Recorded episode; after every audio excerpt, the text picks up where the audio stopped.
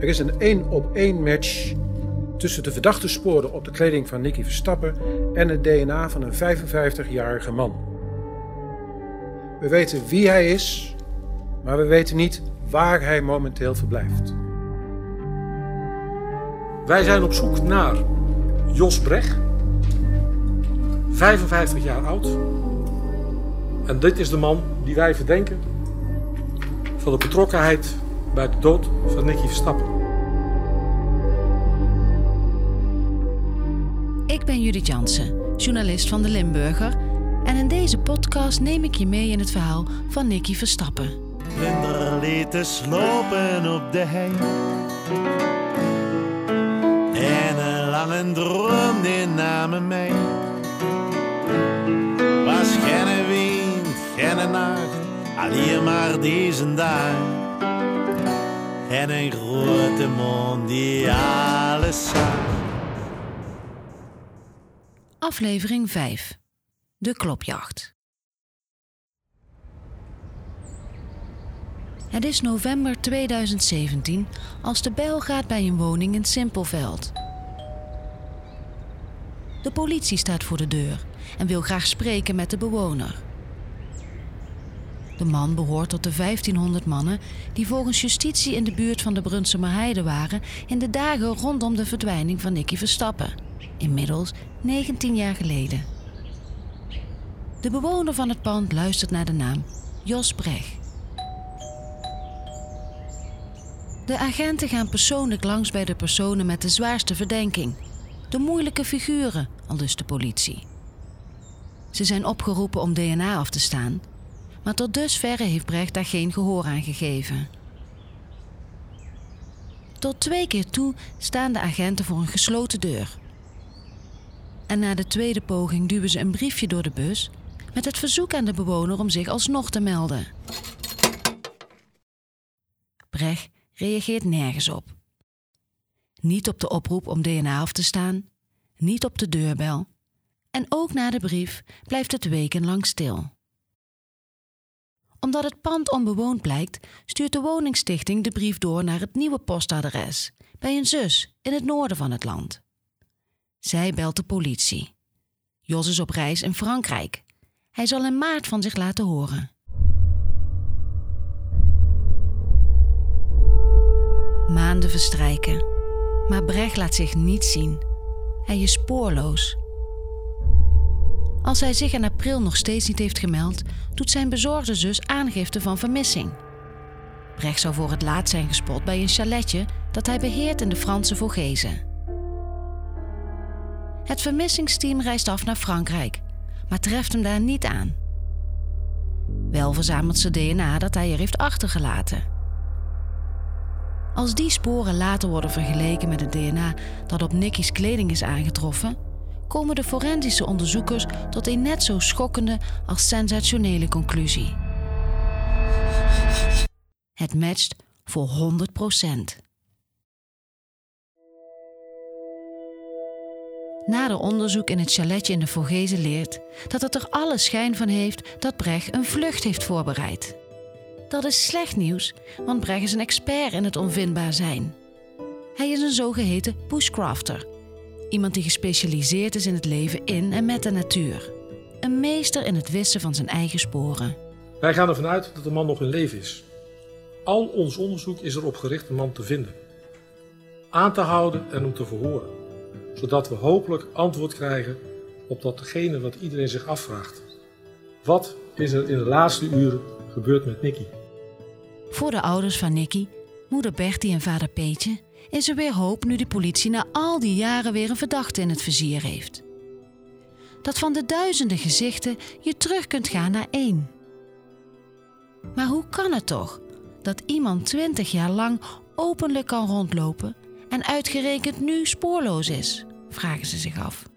Gisteravond zei Bertie Verstappen tegen mij: Als deze man de moordenaar is, heeft hij het leven van onze Nick afgenomen. En hij heeft het leven van ons kapot gemaakt. Deze man mag de dans niet ontspringen. Hij mag niet ontkomen. Hij moet zich verantwoorden. Het recht moet zijn loop hebben, nu we zo dichtbij zijn. Wie is deze man op de opsporingsfoto die justitie naar buiten heeft gebracht? Deze vijftiger met zijn dunne lippen en twee pukkeltjes aan de linkerkant van zijn gezicht. Wie is Jos Brecht? Zou deze op het eerste oog onopvallende man Nicky om het leven hebben gebracht? Of zou hij in elk geval meer weten over zijn laatste uren? De familie wil antwoorden. Zo snel mogelijk. Ik smeek namens de familie dat een ieder die iets weet, hoe gering ook, zich meldt en spreekt. Alsjeblieft, help mee. Justitie heeft een Europees arrestatiebevel uitgevaardigd en een nationaal opsporingsbericht geplaatst. Tevens wordt het publiek opgeroepen om de ogen goed open te houden. Het zal niettemin nog een hels worden om Brecht te traceren. Hij heeft zich van kinds af aan thuis gevoeld tussen de bomen en de beesten, zo weten voormalige klasgenoten. Ze herinneren hem als een stille, maar behulpzame jongen. Hij was heel rustig, hij, uh, uh, hij had zijn eigen aard, kwam bescheiden over, uh, was weinig sociaal, kwam die over. Hij leefde eigenlijk grotendeels in zijn eigen wereld. Jos is geen prater, geen opschepper. Zijn teruggetrokkenheid vloeit mogelijk voort uit de spanningen in zijn familie. Het gezin heeft het niet breed. Vader Brecht heeft een tuindersbedrijf dat in 1972 failliet gaat. En dat komt de sfeer in de familie niet ten goede. Een bekende rap van een schrikbewind door vader Brecht, die in 1981 overlijdt. Als Jos Brecht 18 jaar is, slaagt hij aan de LTS, afdeling Mechanische Techniek. Hij is dan nog steeds een rustige jongen die liever in de natuur bivakkeert dan naar de kroeg gaat. Terwijl zijn leeftijdsgenoten zich storten op een vervolgstudie of het uitgaansleven verkennen, legt de jonge Brecht zich steeds meer toe op jeugdactiviteiten. Hij is enkele jaren leider van het plaatselijke kindervakantiewerk en is betrokken bij de oprichting van een nieuwe jeugdwerkgroep in Simpelveld. Hij voelt zich thuis in deze setting. Maar in 1985 gaat het mis. Jos Brecht wordt dan door de politie aangehouden vanwege ontucht met twee jongetjes van 10 en 11 jaar in het bos bij Wijnandschade. Na de arrestatie biegt hij meteen een ander ontuchtgeval op dat een jaar eerder plaatsvond in Wielree.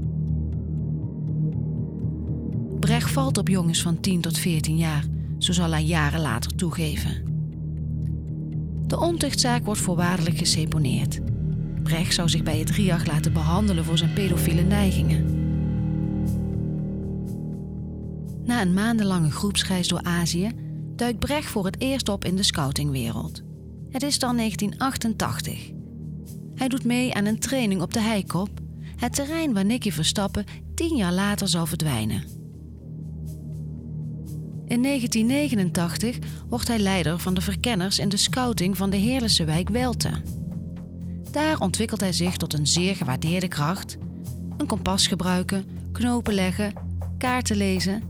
Brecht doet het in een handomdraai. Hij lijkt ervoor geboren. Bovendien weet hij zijn kennis uitstekend over te brengen op de kinderen. Zijn ontuchtverleden blijft lang geheim. Tot het moment dat hij een bevriende leider bij de scouting in vertrouwen neemt en zijn hart uitstort. Brecht bezweert hem dat zoiets nooit meer zal gebeuren. Hij wordt geloofd.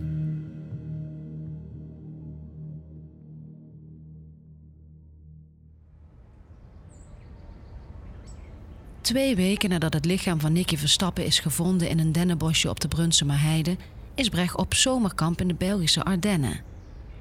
Hij is dan actief voor de scouting in Nut, de dood van Nicky is daar een veelbesproken thema.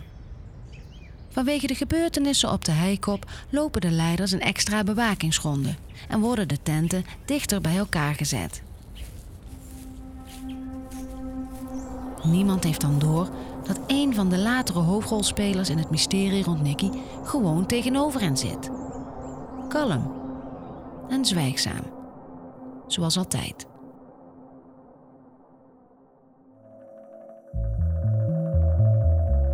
Het is 2001 als het procesverbaal van Brechts nachtelijke fietstocht op de hei voor het eerst opduikt. Het politieteam dat dan een second opinion onderzoek uitvoert, hoort hem twee keer daarover. Brecht is immers gezien toen hij aan het fietsen was op de Brunsumer Heide in de nacht dat het jongetje dood werd gevonden. Hij bracht post rond voor de scouting, zei hij tegen de marechaussee die hem toen staande hield. Nou, Jeroen heeft uh, op één plek gestaan met een collega. En toen, is er, uh, toen hadden ze de opdracht: iedere passant moet je een procesverbaal maken. Maakt niet uit wat de reden is, van iedere passant maak je een procesverbaal op. En dat hebben ze ook gedaan. En dat was toevallig dan deze man. Tijdens een van die verhoren vertelt Brecht over de geseponeerde ontuchtzaak in 1985. Maar het is onvoldoende voor een serieuze verdenking van betrokkenheid bij Nicky's dood. Die informatie komt via de politie echter terecht bij de scouting en leidt tot het vertrek van Brecht in 2002. Hij neemt zonder morren afscheid, maar het moet hem pijn hebben gedaan. De scouting is immers zijn leven. Hij trekt naar Polen en strijkt neer in het zuidwesten, in de buurt van Krakau. Daar meldt Brecht zich in 2003 als survival-expert bij de lokale scoutinggroep. Jarenlang is hij er een graag geziene gast. Niemand die ook maar één onvertogen woord over hem spreekt. Zelfs niet als hij jaren later uitgebreid in de Poolse media verschijnt als verdachte in de zaak Nicky Verstappen. Het leidt niet tot aantijgingen van seksueel misbruik van jonge Poolse scouts. Het valt sowieso op als je het verleden van Jos Brecht graaft. Hij ligt goed bij de mensen. Kinderen en collega's zijn dol op hem. Hij voldoet geen zins aan het profiel van een kille moordenaar. Ook wordt Brecht geroemd om zijn kennis van medicinale planten. Hoewel hij niks heeft met social media, start hij in 2012 een eigen kanaal op YouTube. Ook Lief NL noemt hij zich. Onder die naam maakt hij filmpjes en foto's met informatie over eetbare planten. De vindplaats van de zeldzame exemplaren houdt hij bij in een boekje. Later noteert hij GPS-coördinaten. De bedeesde Limburger is een autoriteit geworden op dit gebied. Later zet hij ook filmpjes van bushcraft-tochten online. Brecht praat niet in de filmpjes, maar laat zien hoe hij een zeil spant om onder te slapen en hoe je vuur maakt. ABC'tjes voor een ervaren bushcrafter als Brecht. Maar er is een hoop animo voor zijn scoutinglessen voor dummies. Vier jaar na de oprichting van Oakleaf NL heeft hij een schare van duizend volgers verzameld. Een andere reden voor zijn faam is zijn vriendschap met Erik Verzandvoort, een grote naam in de bushcraft scene.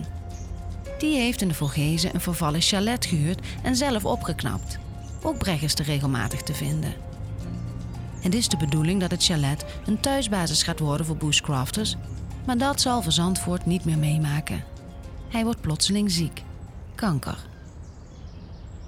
De laatste weken voor zijn overlijden weet Verzandvoort Brecht aan zijn zijde. Brecht draagt ook de kist op de begrafenis, samen met enkele andere bushcrafters. Ze willen het werk van Verzandvoort na zijn dood voortzetten en zien in Brecht de ideale beheerder van het chalet. Dat komt hem niet slecht uit. Zijn moeder is verhuisd naar een verzorgingstehuis in Groningen. Hij kan daarom nog maar eventjes verblijven in haar huis in Simpelveld. Intrekken in de Volgezenhut zou dat probleem in één keer oplossen. Saillant is verder dat hij het verzoek om het chalet te beheren krijgt in de periode dat het grote DNA-onderzoek in de zaak Nicky Verstappen is aangekondigd. Zou Brecht er al van hebben geweten? Zou hij ervan op de hoogte zijn geweest dat zijn DNA op de kleding van het jongetje is gevonden? Zo ja, dan is het aanbod van de bushcrafters een geschenk uit de hemel. In het hutje, verscholen in de Franse bergen, kan hij perfect onder de radar blijven. En dat doet hij dan ook. Sterker nog, hij lijkt op een gegeven moment compleet van de aardbodem verdwenen.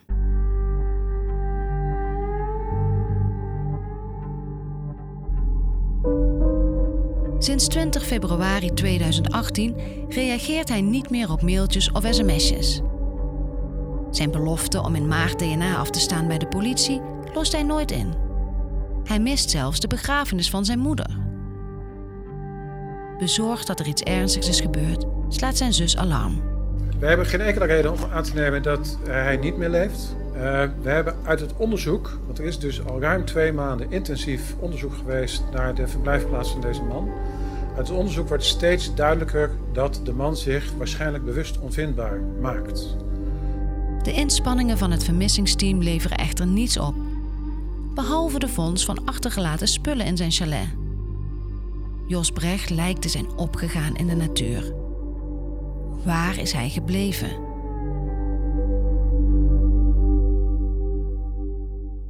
Terwijl Brecht met de Noorderzon is vertrokken, heeft de politie de spullen uit het Franse chalet onderzocht. Op het eerste oog een routineklusje, maar dit keer eentje met spectaculaire gevolgen. Op een externe harde schijf wordt DNA gevonden dat overeenkomt met de sporen op Nicky's kleding. Het is dé doorbraak waar iedereen al twee decennia op wacht. Brecht is plotseling verdachte nummer 1 in een van de meest aangrijpende cold cases die Nederland ooit heeft gekend. Wij hebben echt ogen nodig. Ogen van mensen die hem hebben gezien en, en die ons daarover kunnen informeren. Kom op, uh, want dat hebben we nu echt nodig, want anders gaan we, komen we op de korte termijn in ieder geval geen stap verder. Hoe dan ook, de vogel is gevlogen. Naar Spanje, om precies te zijn. Brecht duikt ergens tussen mei en juni op in een Spaanse commune in het Catalaanse Castel Tersol. Een hippiedorp in de Pyreneeën op zo'n 55 kilometer van Barcelona. La Encantada, de betoverde, noemt de commune zich. Brecht stelt zich voor als Jozef en liegt dat hij vijf jaar geleden de consumptiemaatschappij vaarwel heeft gezegd. In ruil voor werk mag hij mee eten. Ook in Spanje wordt de aanwezigheid van de Simpelveldenaar geapprecieerd. Communeleider Lucas omschrijft zijn Nederlandse gast als een geordende, nette man. Brecht slaapt in een hangmat onder een zeil op het terrein. Al maandenlang uit het blikveld van de spiedende ogen van politie en justitie. Daar komt verandering in als de Nederlandse politie een tip krijgt van ene Erik, een Nederlander die vijf jaar in de commune heeft doorgebracht. Hij heeft Brecht herkend van de foto's die eerder die week op een persconferentie zijn vertoond.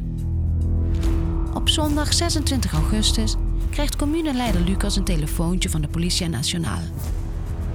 Via de Nederlandse collega's heeft hij lucht gekregen van de mogelijke aanwezigheid van Jos Brecht in de commune.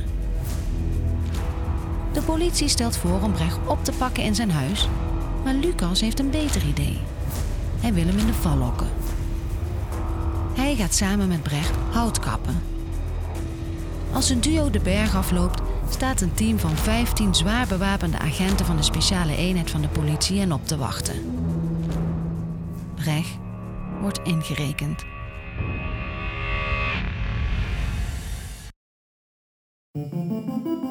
Je luisterde naar het verhaal van Nicky Verstappen. Een podcastserie gebaseerd op honderden artikelen uit het archief van de Limburger. Gemaakt door mij, Judith Jansen, Rick van Hulst, Marco van Kampen en Joris Peters. Paul Bots en Claire van Dijk controleerden de feiten. Het lied in deze podcast heet Vlinder en is van Rowanese. Abonneer je op het verhaal van Nicky Verstappen om niets te missen. En wil je alvast vooruit luisteren? Alle afleveringen zijn te vinden op delimburger.nl slash Nicky Verstappen. Daar vind je ook het hele dossier. Bedankt voor het luisteren.